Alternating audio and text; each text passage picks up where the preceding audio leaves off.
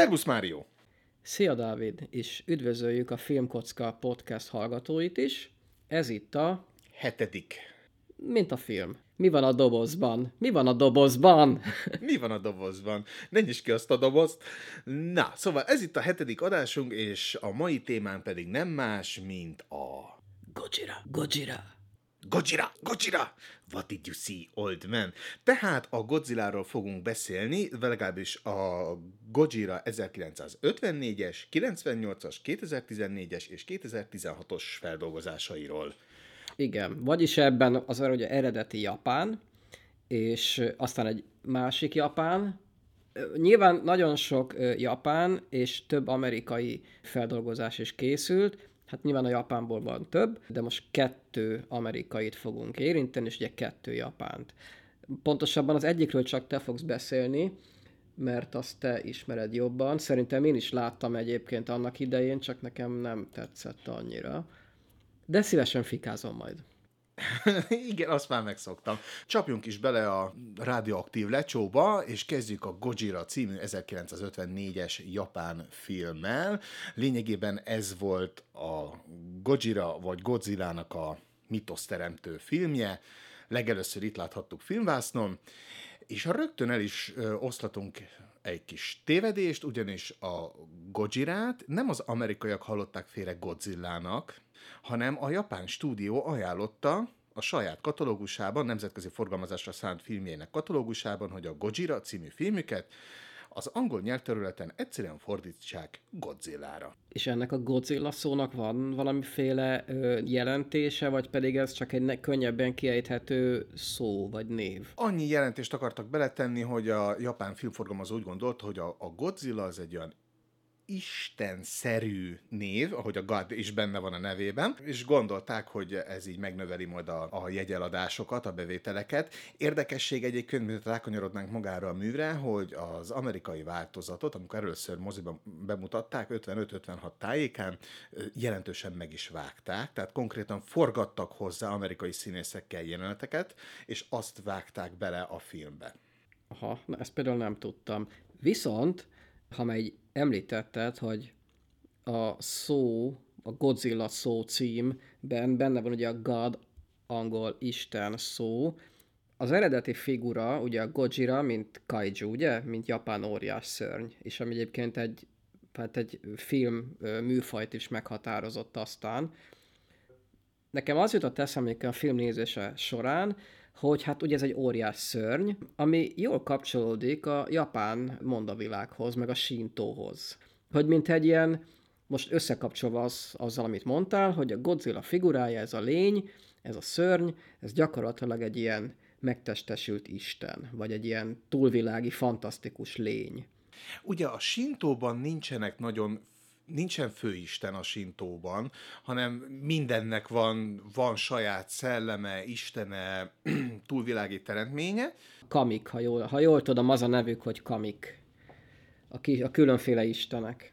Így van, és a, és ha úgy veszük, akkor a Gojira is lehetne egy egyfajta természeti visszajelzés, figyelemfelhívás a világra a nukleáris kísérletek során. Ugye, ahogy hát a abszolút film... egyébként ezt, ezt, ezt, ezt is száz százalékra veszem, hogy, hogy a figura maga egyrészt ezt a jelentést is hordozza magával, meg hát ugye azt a félelmet, amit az egész nukleáris energia, az atomtámadások ugye alig tíz évvel korábban okoztak, és azt a traumát is feldolgozandó, ami úgy a japán néplélekben és kultúrában azóta is szervesen jelen van, és meghatározó. Nagyon fején találtad a termonukleáris szöget, ugyanis én magamnak rögtön azt jegyzetettem ki a film megnézése után, hogy a Gojira bár nagyjában hozzájárult a kaiju filmek megteremtéséhez, meg a szörnyfilmekhez, meg ugye a külföldi forgalmazásban a Szörnyek királya címmel jelent meg. Maga a Gojira egyébként nem szörnyfilm, inkább katasztrófafilm, de mondhatnám azt is, hogy ahogy te is fogalmaztad, ez egy traumafilm. Igen. Itt még hozzáteszem egyébként, filmként oké, okay, hogy nem szörnyfilm, de ha úgy veszik, akkor mégiscsak ez volt így a megalapozója az ilyen időzében modern szörnyfilmeknek, tehát hogy van egy óriás szörny, ami mozivászton debütál ilyen módon. Viszont ugye nem ő volt a, az, most mondjuk úgy, az irodalomnak az első ilyen óriás szörnye, tehát ha most csak a Krakenről, vagy nem tudom, a régen a, a, a különféle ilyen mitoszokban és legendákban szereplő szörnyekről van szó, tehát ugye ilyen formán akkor a Godzilla-nak is, vagy Godzilla-nak is volt ö, alapja vagy gyökere, ahonnan ezt ők megalkothatták a japánok. Ugye az emberi legendáriumokban, mesékben, mondákban legyen az európai, keleti, nyugati kultúra, mindenhol benne van valami hatalmas fenevad, amit le kell győzni. Mondjuk menjünk vissza talán a legkorábbira, amit te is mondtál, a Odysseus, akit legyőzött, ugye? Igen. A, ott van még a Minotaurus is, a, ugye Például, a vikingeknél igen. is ott vannak a, a Fenrir, a hatalmas nagy farkas, bár őt nem legyőzni kellett, hanem egyszerűen csak ő volt a végítéletnek az első jele, vagy vegyük csak a sárkányokat. Persze, tehát ezek az óriás pusztító állatok, vagy állatlények, vagy istenek, ezek tényleg jelen vannak az emberi kultúrának gyakorlatilag a kezdete óta, vagy kezdetei óta. Azt hiszem most a japánok előhoznak egy, hát most időzőben egy újabbat, és ebből készítenek egy filmet, ez is csak egy ilyen újabb feldolgozása ennek, egy modern feldolgozása. Magát a Gojira című filmet, és amit később a japánok, a Toho stúdió, ugye, aki az első filmet készítette, meg lényegében azóta minden japán Gojira filmet készített. Toho tulajdonában van a Godzilla, név is, a figura is, meg az összes mellékfigura, tehát a Mothra, a mit tudom, ilyen, olyan, amolyan lények. Tehát Godzilla filmet ma csak is kizárólag a Toho stúdió engedélyével lehet készíteni. Így van. Na és érdekesség, hogy a Gojira megjelenése után ugye hatalmas anyagi bevételről, sikerről beszélhetünk Japánban, külföldön nemzetközi viszonylatban egyébként nem volt annyira népszerű film. Nem is csodálom annyira. Így van. Ez egy keményebb film ahhoz, hogy könnyed szórakozásnak tekintsük. Hát ez egyáltalán nem egy szórakoztató film ez nagyon nem az, mindjárt rá is térünk végre, tényleg ígérem minden kedves hallgatónak a filmre. Tehát, hogy maga a későbbi Godzilla, tehát nem telik el tíz év, és 1960 e, valamennyiben már olyan filmek jelennek meg, mint Godzilla fia. És a különböző Godzilla versus és a különböző. Hát the show must go on, tehát nyilván legyen nagyobb, hangosabb, franchise beindult, kell a bevétel, és amíg jön a bevétel, és sikeres, addig miért hagyják abba az újabb és újabb filmek készítését, ugye?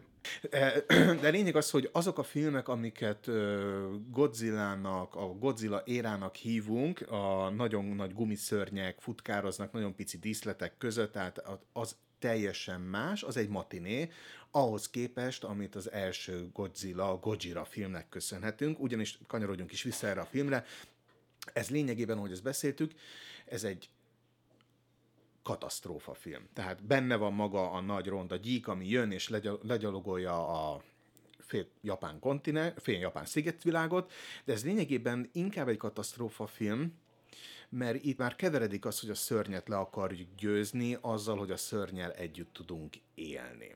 Kanyarodjunk rá a film elejére. Ugye maga a film az úgy kezdődik, hogy megtámad valami egy hatalmas nagy halászhajót, utána egy kisebb japán halász falut tipor el, semmisít meg. Ahogy haladunk a filmben, úgy megy egyre közelebb nagyobb városokhoz. Film feléig nem kapunk egyértelmű főszereplőt, főhőst, hanem csak a japán népet, hadsereget és a bürokráciát látjuk működni, ahogy próbálják ezt a jelenséget legyőzni. Hát megérte, megérteni azt, hogy mi történt, és próbálják az egészet valahogy elemezni, és egyébként pont itt az egy, a halászfalónak az egyik idős lakója, ő adja át az információt, hát a tudósoknak is, de ugye így a nézőnek is egyúttal, hogy hát miről lehet szó. És ő pendíti meg. Ő adja Igen, a nevet. és hát ő mondja először ki ennek az Linnek a nevét, hogy Gojira, Így és van. ő mesél. Hát legalábbis, hogy a falubéli legenda, hogy a, a Gojirát kellett etetni, azt hiszem, vagy feláldozni valakit, vagy áldozni neki, és ugye hogy ezek a hagyományok, ahogy megszűntek, ahogy egyébként egész Japánban megszűntek abban az időben, a második világháborút követő években, ő erre vezeti vissza, hogy Gojira ezért jelent meg, mert bosszús szellem lényegében, a, akit már nem tisztelnek a japánok, és jött rendet rakni. Tehát ilyen korszakok közti átmenetnek a szimbóluma is lehet, ami egy ilyen nagy rombolással véget ért egy régi valami, és utána egy új korszaknak a kezdete, amivel a japán népnek és társadalomnak az imperializmusból és ebből a régi gyarmatosító, lerohanjuk a fél környéket, fél Kínát, stb., amit lehet, ebből a korszakban egy átmenet egy új korszakba, és talán ennek a drámáját, meg traumáját is ö, akarták valahogy feldolgozni ezzel a lényel, tehát szimbolizálni vele. Így van. Tehát lényegében Gojira ebben a filmben végig egy, egy szimbólum, tehát megjelenik a vásznon, ott van, legyalulja Tokiót, de tehát tényleg szimbólumként működik, hogy ő az a trauma, az a fenyegetés, amit le kell küzdeni a japán népnek, és a filmben ez egyébként sikerül is. És akkor itt jön az egyik érdekesség, számomra érdekesség a filmnek, hogy nincsen az, mint amit később a filmben megszoktunk, hogy jön egy szörny, és senki nem hisz a főhősnek, és amikor már itt a nagy baj, akkor kapják össze magukat. Nem, itt kezdetektől fogva az van, hogy jön egy vizsgálóbizottság, megvizsgálják a bizonyítékokat, az egyik professzor föláll a bizottság előtt, és elmondja, hogy hát valószínű ebben az üregben élhetett egy nagyon régi lény, amit felébresztettek a nukleáris robbantások, az atomkísérletek, az ő álmát zavartuk meg, és most keresi a helyét a világban. Uh-huh. És ezután a bizottságot és a japán népet látjuk, ahogy mindig próbálnak Gojira által okozott károk uh-huh. után menni, és egy picit meg is előzni. Például az, hogy és mondom, itt, itt mindig nem szabad elfelejtenünk, hogy itt még nem volt tíz éve, nem történt tíz éve, hogy ledobtak két atombombát Japára. És akkor itt van ez a film, ami azt mutatja, hogy jön egy nagy fenyegetés, és hirtelen minden utcában ott vannak már, hogy a különböző óvó helyeknek a táblái, merre kell menni, erre van nyilazva, arra menjen ez a lakosság, stb. A lakosság természetesen mindig fegyelmezetten vonul, nincsen izé, Persze, ez japán sajátosság. Egyébként itt ehhez hozzáteszem, hogy a filmben van egy jelenet, azt hiszem utaznak valami metrón, Igen. vagy vonaton. És akkor egy kicsit ilyen poénra veszik a figurát, hogy ha most megint el kell majd bújni a, az óvóhelyekre. Ah, igen, tehát hogy ez a hétköznapjaikban beépíteni a, a fenyegetést, a, a veszélyeket. Ahogy te is mondta, én is kiírtam magamnak, hogy és akkor megint óvóhelyre kell mennünk, ugye, hogy ezt a vonaton elbeszélik egymásnak, ahogy hiába van ott egy hatalmas nagy szörny, ami jön, megy Japánban, ahogy csak szeretné, a kormány már azon van, hogy akkor ezt a gazdaságot hogy fogja érinteni, a nemzetközi kapcsolatokra ez milyen hatással van, tehát már egyből építik be a mindennapjaikba. Például, hogy a filmben később van egy nagyon szép jelenet, ahogy akkor már lesz egy főbb szereplőnk, meg egy másik főszereplő nőnk, akik ülnek az erkélyen, a saját jövőjüket beszélik, meg az esküvőről sző támaikat tervezgetik, a háttérben a légvédelmi világítás jobbra-balra kúszik, a rádióban pedig hallják a vészhelyzeti jelentéseket, hogy most éppen Gojira merre jár, és hogy melyik területeket kell evakuálni. Tehát, hogy mennyire beépül a hétköznapjaikba Gojira maga, tehát lényegében az, hogy hogy alkalmazkodnak hozzá. Ez végig ott van a filmben, ez lehet, lehet, hogy egy picit ez úgy reflektált egyébként a háborús időszakra is. Hogyan tudnak élni a japánok, akik nem katonák, hanem otthon vannak ugye az anyaországban, és ők hogy élik meg ezeket a háborús mindennapokat. És egyébként meg ezt a, a második világháború idején ugyanez igaz lehetett az angolokra, franciákra, meg gyakorlatilag mindenki, akit a háború érintett. Tehát muszáj volt ezzel valahogy együtt élni, mert ellene úgyse nagyon tudtál mit tenni. Erre épül maga az egész film.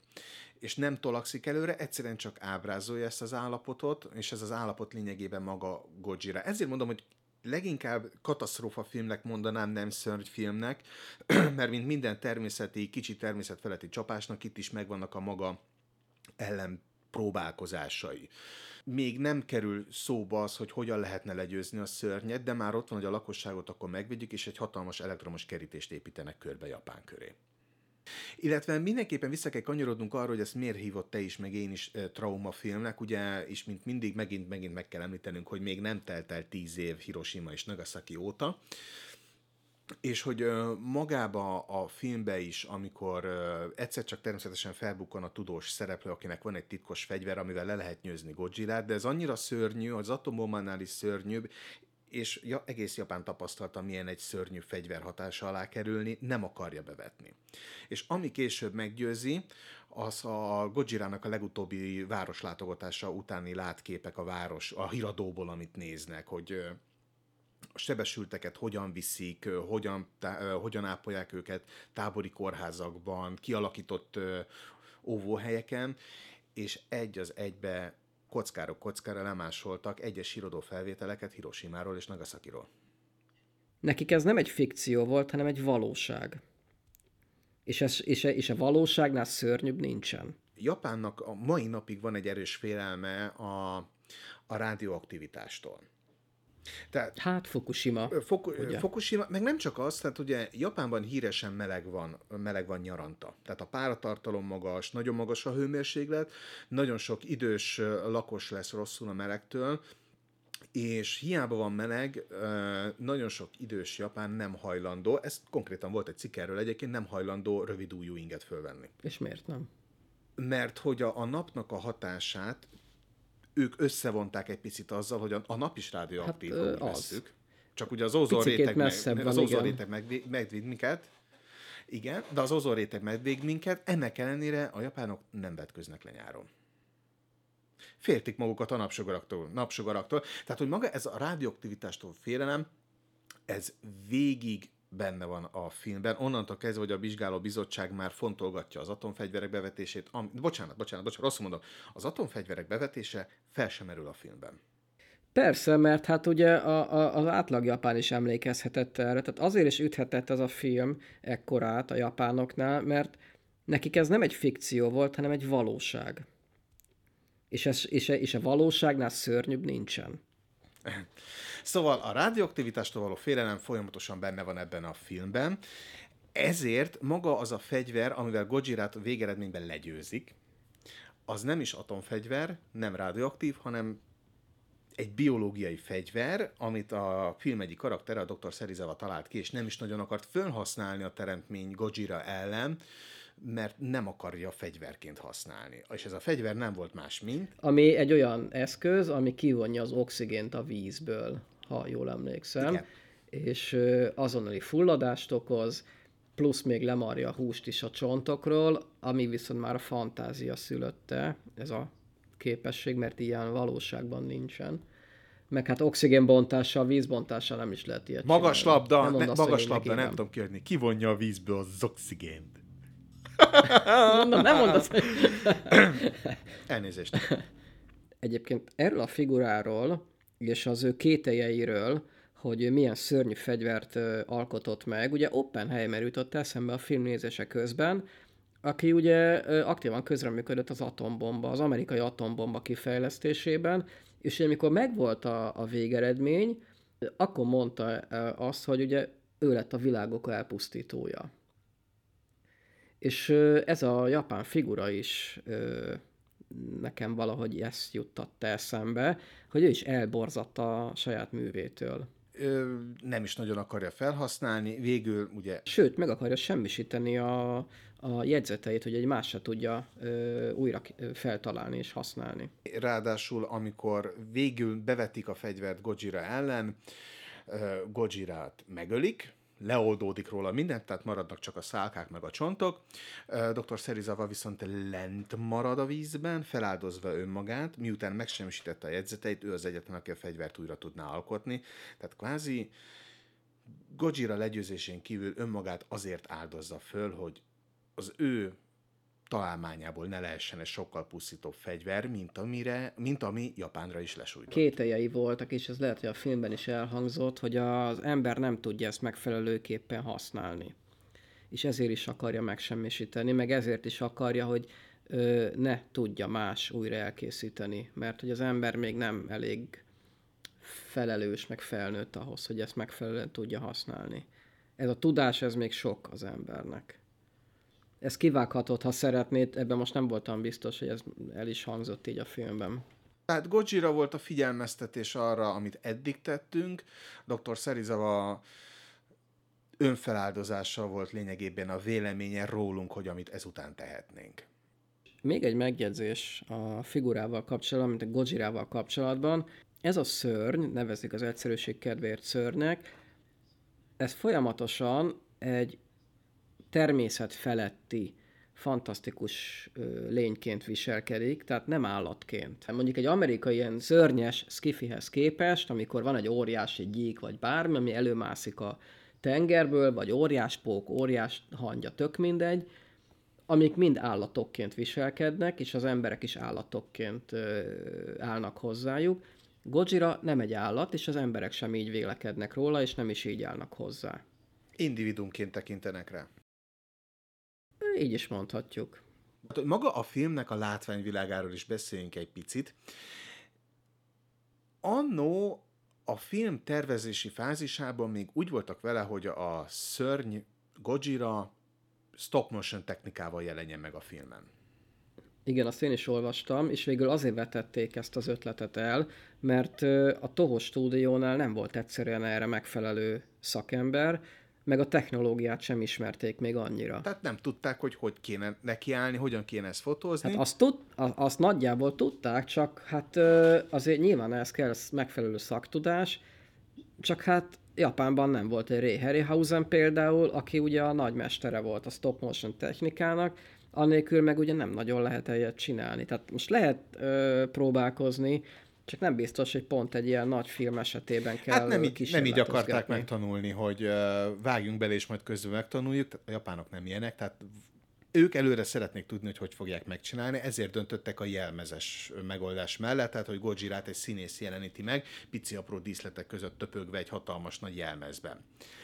Igen. Ami egyébként szerintem lehet, hogy ez is, ez is a film javára vált. Mert ha stop motion csinálják meg, akkor lényegében arról úgy is látod, jó, erről is látod, hogy egy jelmezbe bújtatott színész, de a stop motion az egy technika, ami elfedi minden szörnek a sajátosságát. Azzal, hogy egy színész bújt bele egy jelmezbe, most nem természetesen nem színész, színészi játékról beszélek, de mégiscsak látod, hogy ez egy élőlény ott a vásznon. E, igen, a mozgása sokkal természetesebb, szemben egy stop motion ami ugye nagyon darabos. Így van, így van.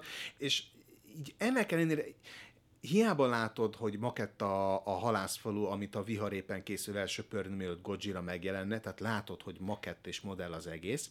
Persze, mai szemmel látod 2022-ben, de 54-as szemmel nem láttad. 54-es mert... szemmel is láttad azért, mert hát már láttunk más filmeket ebből a korszakból, és hát azért nem azt mondom, hogy kilólogott a ló, lóláb, viszont itt jön a maga a leleményessége a filmnek, ami egyébként gyönyörűvé teszi az egészet. Tehát én nem csinálok rögtön, nem elspoilerezem mag, uh, mindenkinek, nekem ez, ez a Gojira film, nekem ez a kedvencem. Tehát, uh-huh. hogy ez a film ennek ellenére gyönyörű. Mert ha látszik is rajta, hogy makett, akkor viszont legyen úgy bevilágítva. Legyen olyan nyersanyag használva, hogy sötétebb a kép, de nem szemcsés. Gyönyörűen csillognak a, azonok is a kézzel vert hullámokon a vizek. Tehát maga a film egyébként hiába látod, hogy ez makett, az jelmez, jól néz ki. Egybe van. Igen, ez így van különben. Főleg, amit mondtál a világításról, miniatűrt bevilágítani, az ugye egyáltalán nem olyan, mint egy normál méretű díszletet bevilágítani. Itt az a lényeg egyébként, hogy a világítást is arányosan le kell kicsinyíteni. És ugye nem csak a fényerősséget, de annak a méretét is.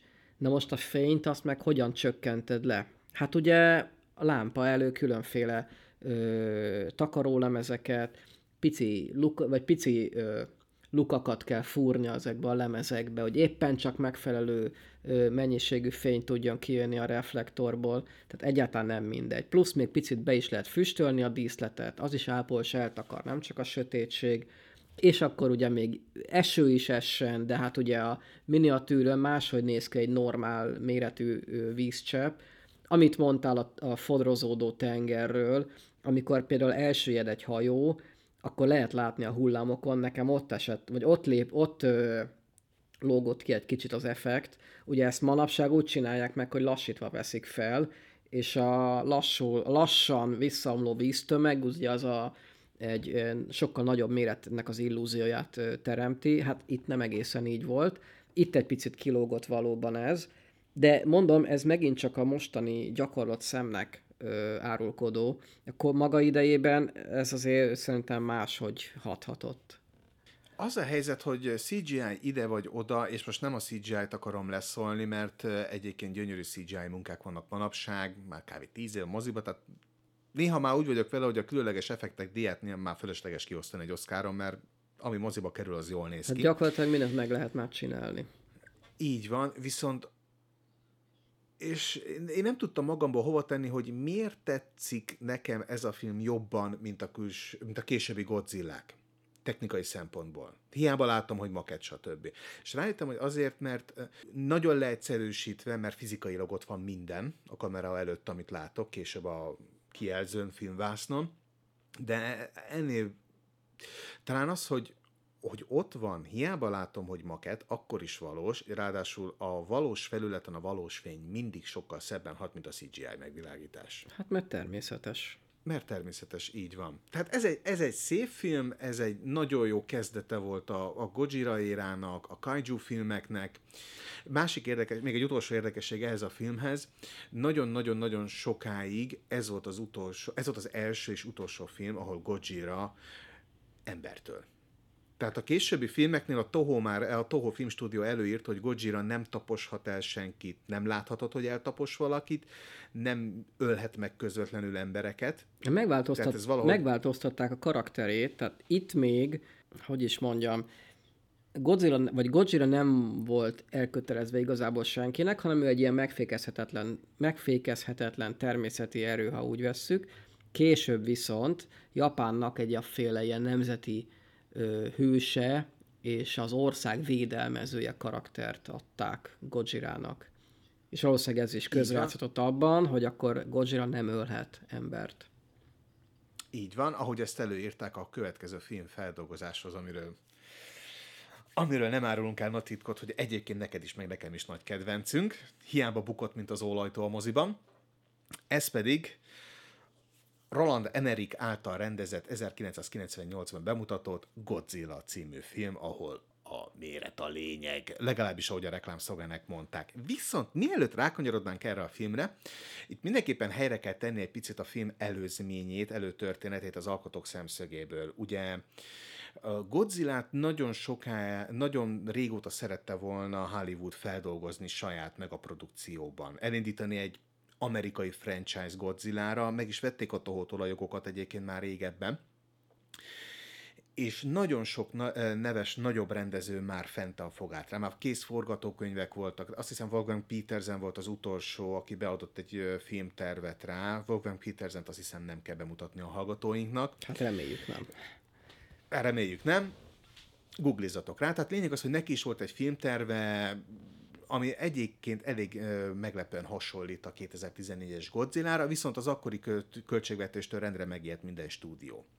Viszont közben, miközben Hollywood folyamatosan ábrándozik arról, hogy ú, kéne saját Godzilla film, eljutunk 94-be, ahol bemutatják a Csillagkapu című filmet. Roland, És Em- ez volt Roland, Roland, Roland Emmerichnek a, hát nem a debütáló filmje, mert ugye korábban már rendezett Hollywoodban, de az első ilyen igazán nagyobbat szóló filmje volt. Ugye az első ez a tökéletes katona volt, ami egy ilyen rém, egy, egy, egy hú, iszonyatosan bugyuta, hú, most csak csúnya szavakat tudnék mondani, hogy mennyire baromság az a film.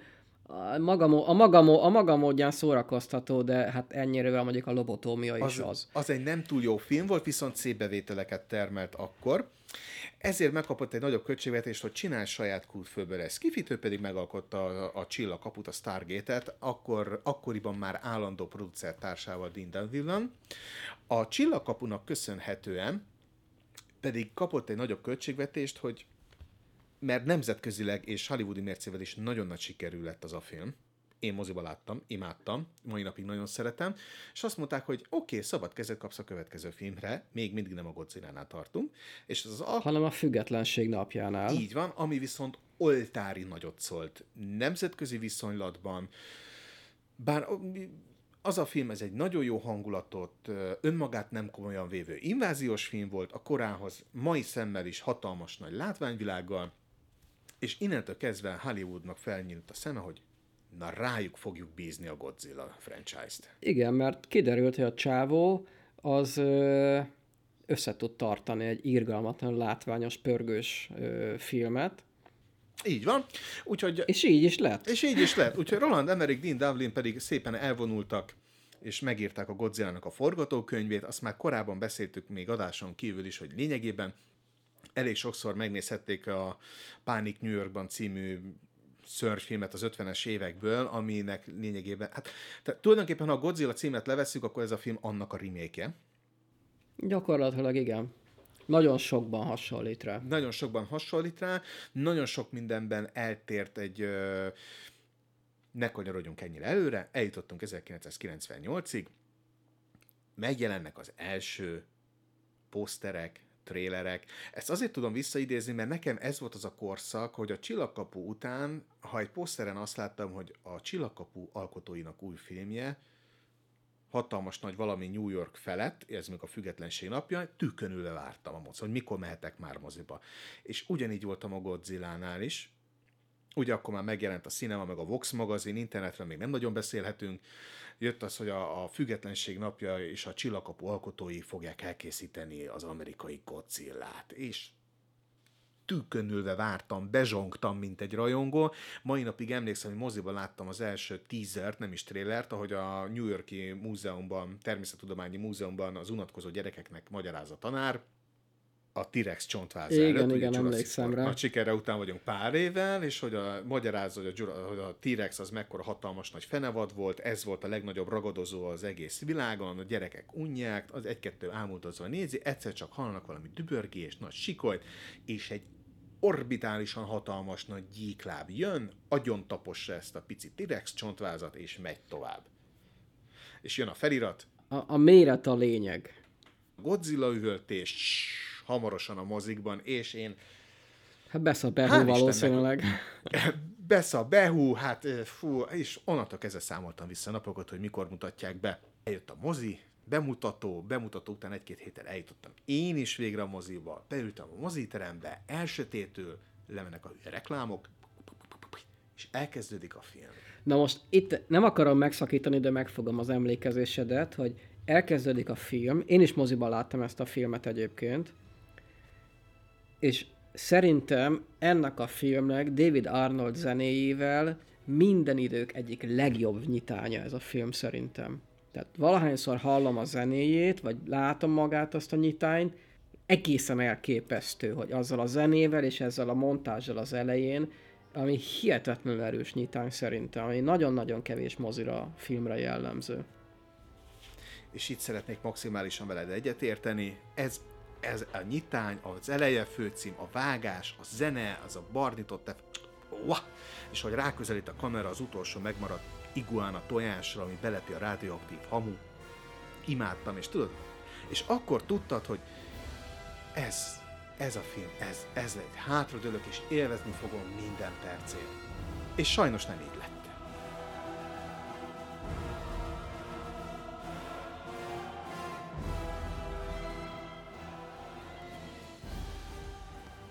Hát sokan nem így gondolták. Nekem tetszett egyébként annak idején. bármikor elkezdem megnézni ezt a filmet, most is a podcast miatt vettem elő, hogy megnézzem mégiscsak, hogy friss legyen az élmény, és az a helyzet, hogy ez az a film, aminek ordító hibái vannak, és tisztában vagyok vele, mégsem tudom nem szeretni.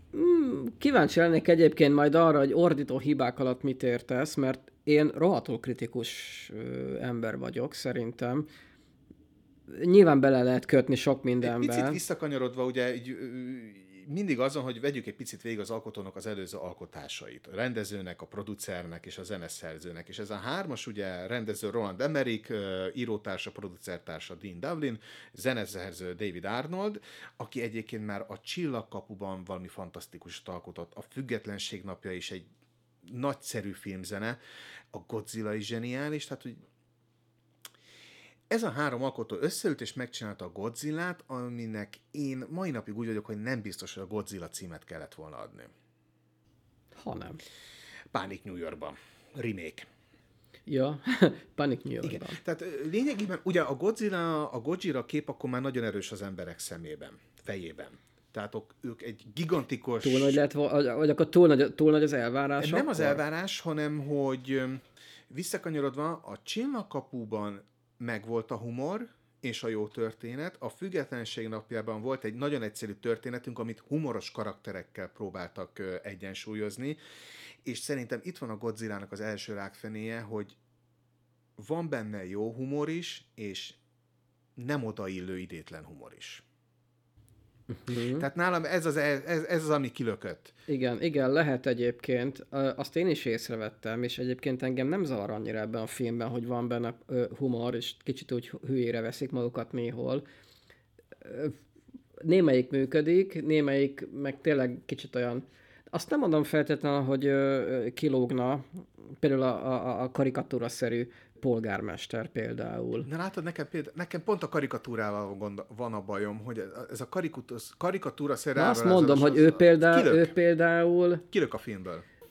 Le, igen, tehát itt, itt egyetértünk egyébként, ez a fajta, nem is tett, tehát ne, ne, idétlenség talán, egy, engem nem zökkentett ki, nem is hiányzott volna, hogyha ha, ha ez így ebben a formában nincsen benne, Más poénok viszont nagyon kis aranyosak, és jól oldják a feszültséget. Azok kellenek is. Tehát igen, tehát vegyük például, a, a, vegyük a jó humorát a filmnek. Jean Reno karaktere. Zseniális. Zseniális. Tehát Imádtam. Egyébként mindenképp... Ezt Elvis-től tanultam. ő volt a király. Tehát Reno karaktere volt az a humorforrás, ami működik egy ilyen filmben, és amiben egy óriás gyík legyakja New Yorkot. Folyamatos uh, kifigurázott nacionalizmusa, hogy szidja az amerikai kávét, szidja a, Igen, az amerikai azt, fánkot, imádtam, és egyik legszebb, legjobb jelenet ebben a filmben, amikor belekortyol a kávéba, ez micsoda, és mutatja a kollégáid, de hát ez francia pörkölés, ugye francia karaktert játszik, és és egyből így ez a nekiveselkedik, ahogy ül a kanapén, hogy jó, akkor most ezt a kávét szeretni fogom, és már úgy iszad tovább. Egyébként ez az egy mozdulat is megmutatja Zsárénóról, hogy mennyire zseniális színész. Tehát ez a humor jó a filmben. Ott van a, a olasz-amerikai operatőrnek a karaktere. Igen, igen. Tehát igen. ő is az a jó farta humorforrás. Viszont itt, itt jönnek viszont a, a karikut, karikatúra-szerű, filmből kibillentő elnagyolt karakterek ott van például... Mint például a polgármester, ugye, meg, a, meg az ő ilyen segédje, vagy ő micsoda? Ta, kampányfőnöke? Tehát legyakják New Yorkot, és akkor ő azon aggódik, hogy ne egyen édességet a polgármester, és ez a humorforrás már idegen nekem ettől a filmtől. Vagy ott van a, a, a dinoszaurusz kutató vöröshajú doktornő, Egyébként nekem hatalmas, hatalmas nagy crashom volt abban az időben. Tehát ott van az a vöröshajú doktornő, akinek az a akinek, akinek a karakteréről annyit tudunk, hogy meg van őrülve a főhősér, és nagyon karos. Tehát, hogy Hát amúgy nem sok vizet zavar az a figura, ennyire ki is hagyhatták Igen, tehát volna. van egy karakter, akinek e, ezt, ezt tudjuk a karakterről, hogy a polgármesterről is azt tudjuk, hogy egy idegesítő görcs, aki édességet eszik, és nem tud várost irányítani. Itt teszem hozzá egyébként, hogy pont a polgármesternél, meg, a, meg talán az ő segédjénél az a helyzet, hogy azt hiszem az Emerich meg a Devlin őket azért írták meg, mert hogy talán valami stúdiófejeseket akartak így kifigurázni, tehát ők, őket valós ö, személyek Nem stúdióvezetőről, hanem a polgármester, e, itt most, most gyorsan kicsit, hogy hívták a polgármestert a filmben? Ez gyorsan kipuskázza. Itt van, így van. Major Ebert. Igen. A színész. Ja, ro- ja a persze, karakter. persze, hát a Roger Ebert, ugye a legendás uh, filmkritikus akarták így, és még egyébként a figura hasonlít is rám, hogy a Roger Ebert ugye teljesen így nézett ki, szemüveges, őszhajú, kerekfejű, idősebb uh, manus. Amilyen éleszek aki majd nem volt, nem, volt, nem volt túl jó véleménnyel egyébként Emery korábbi munkáiról. És akkor az emelik meg úgy gondolt, hogy akkor anyádba. I- igen. Szóval tehát nekem tehát azok, a, azok a karakterek, amiknek az a szerepük, hogy viccesek legyenek, és semmi más dolguk nincsen, mégis tevékenyen részt, részt ott vannak a cselekményt alakító karakterek, mert ez engem kirúg. Tehát ugyanúgy ott van a másik doktor, akinek még a nevét se tudom, és az a vicc forrása, hogy rövid nadrágban van kövér szakánas, és mindig tüsszög, mert allergiás, és beletüsszent a kezébe, és úgy akar kezet nyújtani. Ha, ha, ha, ha de vicces. Hát ez nagyon vicces, igen. Tehát, hogy ez, ez nekem már, ez így már kilök. Tehát nekem ez, ez a humorforrás nagyon, nagy, ez infantilis volt ehhez a filmhez. Még nem, a... nem hiányzott volna, hogyha ha kihagyják. Igen, a másik, a má... hú, nagyon sokáig tudom, szintén pedig higgyétek el, nagyon szeretem ezt a filmet, és bármikor meg tudom nézni. Tehát a másik, hogy nagyon jó színészek vannak benne, és, és van nekünk egy főszerep, van a főhősnek a szíve választotja. Igen. Miért? Én, én, Mert kell a kötelező szerelmi szál azért. És nem, a szerelmi, is, nem a szerelmi legyen, szállal van a legyen gond. ott is egy fejlődés a karakterek között, meg legyen egy konfliktus a karakterek közti viszonyban. Ő egy nagyon rossz színésznő. És ez sajnos minden kék kockáról átjön. Viszont cuki. És ez a szerepe, hogy cuki, és teljesen lényegében fölösleges a filmben, tehát, hogy de, de jó, ezt még ennél rengeteg jó filmben láttunk már rengeteg rossz színészt, rossz színészi alakítást. Csak ő nekem úgy mindig szemet üt, amikor elkezdeni nézni, hogy jaj, de kár, hogy te kerültél be a filmbe. Tehát, hogy nekem a, a, a humor és a mondani való és az akció nem túl egészséges egyensúly az, ami nekem már csalódás volt ott a moziteremben is. Még utolsó példaként felhoznám a TV műsorvezetőt, a, a TV riporter genyát, Először felbukkan Godzilla New Yorkban. Lényegében erre a jelenetre vártál, mióta megláttad a trélert, és jön, és dübörög, és végigmegy a mároson, stb. Egyszer csak bevágás, és egy humoros intermezzo arról, hogy mindenki látja a szörnyet a városban, csak az újságíró nem. Ha, ha, ha, ha. Ez miért kellett? Tehát ne, ne, nem, nem illet bele. Tehát ha ezt kivágják, fikarcnit se hiányzott volna a filmből nem a humorral van a gondom, hanem a nem jó humorral és a nem jól időzített humorral, és ez a film sajnos topzódik benne. Jó, nem szállok vitába veled ezzel kapcsolatban, De- valószínűleg igazad van. Mondom, én nagyon Ezt én nem mazsoláztam ennyire ki, ennyire részletesen, hogy ö, most akár humor, akár más szempontból mi az, ami nem annyira működik. Én inkább összességében néztem összbenyomás alapján. Összbenyomás alapján egy nagyszerű szórakoztató alkotás, és nagyon szép, ö, szépen fordítja vissza egyébként a Godzilla-nak, ugye az eredeti Godzilla-nak ezt a traumatikus katasztrofa film mondani valóját egy természetvédelmi filmbe. Amúgy igen, és itt teszem hozzá, hogy ebben a filmben viszont ugye Godzilla már ö, egy állat. Így van. és állatként viselkedik, és az egész sztori az arra van felépítve, hogy ő gyakorlatilag egy fészket ö, építő, szaporodni kívánó állat. Így van, és hát fészket meg is találja Manhattanben, ugye az egyetlen olyan város, amiben akkora építmények vannak, ahol el tud bújni. És egyébként ez tök jól fel van építve. Ha megnézed, a film eleje az a, az a történet felépítés szörnyfilm tekintetében magas iskolája, ha úgy vesszük. Egyébként egy nagyon jól építkező, logikus, a magam belső logikájának nagyon jól megfelelő sztoria van. És látványos. Tehát ö, És látványos. látványos. És itt még, itt még Itt is sok még makett van egyébként, makettek. hozzáteszem. Ugye a Gojira filmben nagyon dicsérted a, hát idézőjelben dicsérted, hogy makettek. Hát itt is nagyon sok makett van. Így van. CGI az lényegében amik csak ugye a ki vannak, ki vannak, hát volt azért más is azért, de ö, vegyes technikával, tehát CGI is van, makettek is vannak, mechanikus effektek is vannak, praktikus effektek, stb. És ezek nagyon jól ö, kiegészítik egymást. Nagyon jól összerakták a filmet. Tehát látványilag én nem tudok belekötni, mai szemmel sem.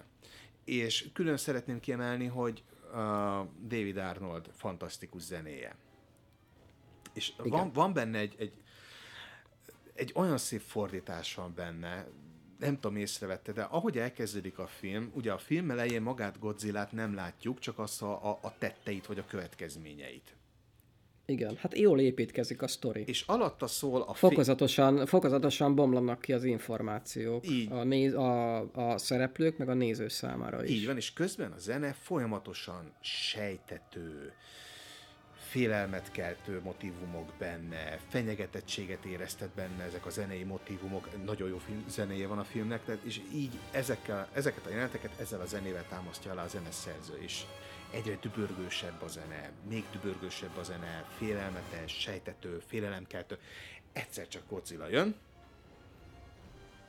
látjuk New Yorkot, esik az eső, a város, amely sosem alszik, nincs kiírva, New York, imádom, és egyszer csak felbukkan. És még mindig dübörög a zene, még mindig, de már nem félelmet keltő, hanem lenyűgöző hatása van. Tehát nincsen ebben azok a tipikusan szörny, szörnyet bejelentő zené effektek, hanem ilyen kis látványorientált lenyűgöző hatása van, majd Godzilla eltűnik, próbálják megkeresni, és akkor eljutunk ahhoz a részhez, ahol a, azt hiszem nem a Times Square-re, hanem valami nagyon híres New Yorki utca csomó pontra egy tonna halat felhalmoznak, hogy oda csalják a szörnyet. Igen, És- a vasalóház. A vasalóház, vasalóház. Szemben. És, és itt van a, a zeneszerző zsenialitása, hogy felbukkan újra Godzilla, lényegében lassan közelíti meg a, a táplálékát, a, a csalit, és a, a katonák, az utcabeliek most tudják először megnézni, lassan, szépen szemrevételezni, és a zene itt nem fenyegető. Nem, egyáltalán nem, igen, igen, igen, igen. Sőt, Sőt. tehát ugye ekkor, ekkor ö, látjuk először Godzillát, ha úgy tetszik, a maga teljes élet nagyságában, de nem fenyegető módon, mert ugye itt nem pusztít. hanem egy szép, szépítő zenei motivumot Igen. kap. Mindenki Igen. rácsodálkozik, hogy oké, okay, félelmetes, nagy, mit teremtettük, nukleáris íze, stb. De ez egy gyönyörű állat Ez egy alapvetően. lenyűgöző terem. És le, és, le, és le is nyűgözi egyébként a főszereplő, ugye a, a, a hát a, a, a gilisztás csávót, ugye, Tatopulos. Ö, aki, aki, aki ugye, igen, igen, igen, aki le is állítja ebben a jelenetben a katonákat, hogy ne lőjenek. Amikor a Godzilla lehajol hozzá, és mondjuk az egész feje az hát magasabb, mint a, mint a, a, a, a Tatopolos doki, Igen. és ő meg csak bámulja ezt a lenyűgöző állatot, hogy mennyire gyönyörű a maga félelmetes valójában is. Zárójeles megjegyzés, és bár működik, és tényleg vicces, de ezt a jelenetet egyébként szétcseszi az a humorosnak szánt forrás, hogy egy picike, tekerős Kodak zsebfényképezőgépen ne kell kattigtatni. Az nekem már oda nem kell. Na mindegy. Szóval a lényeg az, hogy eh, lenyűgözővé válik a zene, csodálod az állatot, hogy ez egy milyen szép teremtmény, különleges, egyedi, ebből nincs még egy a világon, stb. Aztán végül eszükbe jut a katonáknak, hogy akkor ideje lövöldözni, és itt vált át megint a zene fenyegető motivumokká. De itt már ugye nem a Godzilla jelenti a fenyegetést, hanem a, az emberek, ahogy Godzillát próbálják lelőni, és érdekesség, és ez az a motivum, ami, ami miatt szintén azt mondom, hogy ez egy nagyon szerethető, nagyon jó film is lehetne, hogy nem Godzilla rombolja le a várost. Hát ő csak menekül. Ő csak menekül. Hanem az, em- az, emberek, az emberek rombolják le gyakorlatilag, akik ugye el akarják pusztítani Godzillát. Igen. És közben legyakják fél New Yorkot. Igen, tehát a Chrysler épületet is egy eltévedt rakéta rombolja le. Azt imádtam. A- a- imádtam. Na, az egy jó példa a jó humorra a polgármester esetében is. Tehát, hogy eh, és ez, ez a zeneszer, ez, és ez a zenében annyira végigmegy, hogy fenyegetettséget jelent, aztán rájössz a főszereplővel együtt nézőként, hogy de hát ez egy gyönyörű teremtmény. Becsapódik az első rakéta, és akkor visszaváltunk rendes akciófilmekig. Tehát, hogy ez egy jól felépített film, nagyon rossz kevés rossz, de azok nagyon kirívó rossz döntésekkel, mint Lázs ez a humor. Tehát ez, ezért nagyon kár volt. Illetve van a filmnek egy utolsó etapja, ami ne, ne, én megint azt mondom, hogy ez egy picit kár volt érte. De értem, hogy bele kellett rakni Mégpedig. És az micsoda? mini Godzillák. Tehát lényegében a, a, Hát az a folytatásra Az- az egy- kihegyezett. az egy az azért kellett bele, Ilyen hogy legyen már lehetőség. valami elől menekülni. Ami nem nagy, ha... Igen, tehát, tehát Ö, is. Is. Meg hát most kicsit ö, spoilerezünk, de hogy ugye legyen miért visszahozni a, hát elvileg megölt, csak azt ugyan kiderült, hogy hát nem halt meg. Ugye hát anyuci írtó pipa, legyen miért visszahozni a, a, Igen, a és nagy egyébként ez sem Godzillánkat. volt egy túl jó kitalált fordulat. Ugye itt ott tartunk, hogy amikor felfedezik, hogy Godzilla tojásokat rak a... Hogy hívják azt a helyet? Madison Square Garden. Tehát, hogy a Godzilla tojásokat az, a rak a Madison Square Gardenben, a film cselekmény ábrázolása vezetése szerint itt már csak emiatt kell aggódni, mert hogy Godzilla már halott elviekben. Viszont minden néző, aki már kettő szörnyfilmet látott életében, vagy csak egyet, tudja jól, hogy a szörny még nem halt meg, tehát feleslegesen húzzák feszültségkeltés gyanánt, hogy hoppá, visszajön a végén újra anyuci ultrapipaként. Ráadásul nem is volt látványos, hogy a tengeratjárókkal letorpedozzák. Tehát egy szörny ennél látványosabb, vagy szívszorítóbb halált érdemel, és ez a filmnek a ezt a részt akkor így teled és homályával ejtsük. A film vége amikor a, a Brooklyn Heat-ba belegabajodik a kábeleibe, és végül a vadászgépek kivégzik Godzillát. Összeesik, és nagyon lassan hallod a szívverését, hogy elhalkul, becsukódik a szem. Mint a 76 mint a 76-os King Így van. Kongban. Csak ott az gáz volt, itt meg nagyon jól működött. Uh-huh. Elnézést a King Kong rajongóktól. Tehát, hogy e- e- ez egyébként egy nagyon szép szívszorító jelenet volt. Igen, mert egyébként kifejezte azt, amit ugye az előzőekben beszéltünk, hogy ez egy mennyire csodálatos állat, és hát meghalt, és oké, okay, tehát meg kellett ölni, meg kellett ölnöm Bob Morton, meg kellett ölnöm Godzilla. Ilyen a nagyvárosi élet. Nyilván, szü- nyilván szükségszerű volt az, hogy Godzilla-val végezni kell, de közben ő egy hatalmas veszteség is, és um, talán ezt is akarták kifejezni ezzel a jelenettel. Nekem sikerült, átjött. Tehát e, e, Nekem is, nekem is, tehát abszolút, abszolút, abszolút, én is. Sajnáltam, és egyébként erre a sajnálatra a veszteség érzete lett volna jó válasz a film tervezett folytatása, vagy folytatásai. Mert hogy ugye maradt egy életben maradt Godzilla poronty, egy mini velociraptor, ha úgy vesszük. Jurassic Parkot azért koppintani is kell néha, és hogy a, a koncepciók az lettek volna, ami végül a Godzilla rajzfilm sorozatban élt tovább. Tehát, hogy ez a Godzilla már a, az, a, a kis Godzilla-ból nagy Godzilla lesz, aki a mi oldalunkon áll, a Totopuloszék ugyanez a brigád együtt van, és ők felügyelik lényegében egy ilyen szörny rezervátumban, és egyre másra bukkanak elő újabb-újabb nagy szörnyek. Ez egyébként nem rajzfilm, hanem ez a következő meg a következő után, ez egy trilógiának tervezték. Uh-huh. Csak sajnos a pénztáraknál oltári nagyot bukott a film, tehát nem hozta azt a minimális bevételt, amit már visszafordítottak volna egy folytatásra, tehát a, a stúdió vezetői, azt hiszem a Sony hozta alá ezt a filmet, ö, ők úgy döntöttek, hogy ez, ez, a, ez nem lesz franchise. Uh-huh. Ennek ellenére a filmnek mai napig rengeteg rajongója van, köztük én is, aki eddig jobbára szitta ahelyett, hogy dicsérte volna, tehát én is nagy rajongója vagyok a filmnek, de... És én is egyébként. Ö, nem mindegyik Emmerich filmet szeretem, de ez az egyik, amit igen. Én eddig a... Tehát nálam a Szent Trilógia, ha már Emmerich filmeknél tartunk, az a Csillagkapu, a Függetlenség napja és a Godzilla.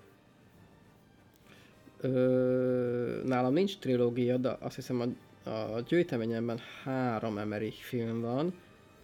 A Függetlenség napja a Godzilla, meg ha jól emlékszem a 2021. 2012. Nem, 2012, meg, és meg a 2012 ami egyébként egy bűnös élvezet számomra, de valami meglepően jól A mai napig végig aggódod a filmet, ha nézed.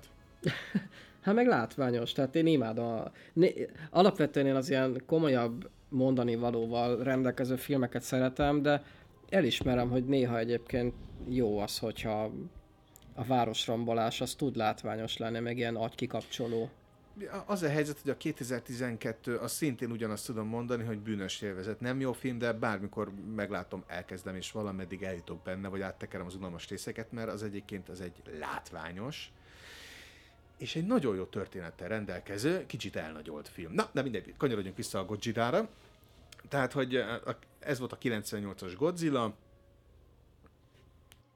én nagyon szeretem látni benne, hogy miért bukott meg. Kár érte egy, kár, kár érte, érte, nagyon nagy kár érte. E, utána a Godzilla franchise az amerikai mozikból ki is futott, e, aztán valaki kitalálta, hogy már pedig ebbe újra megpróbálunk életet lehelni, és eljutottunk 2014-ig, hogy bemutatták a meglepő módon Godzilla című filmet a mozikban órákig tudnánk még szerintem beszélni erről a filmről, ugye? Hát csak az a baj, hogy eléggé elment az idő, úgyhogy szerintem jövő héten folytassuk, akkor beszéljünk majd a 2014-es amerikai, illetve a 2016-os japán Godzilla filmről. Köszönjük a figyelmet, tartsatok velünk jövő héten is, sziasztok! Sziasztok!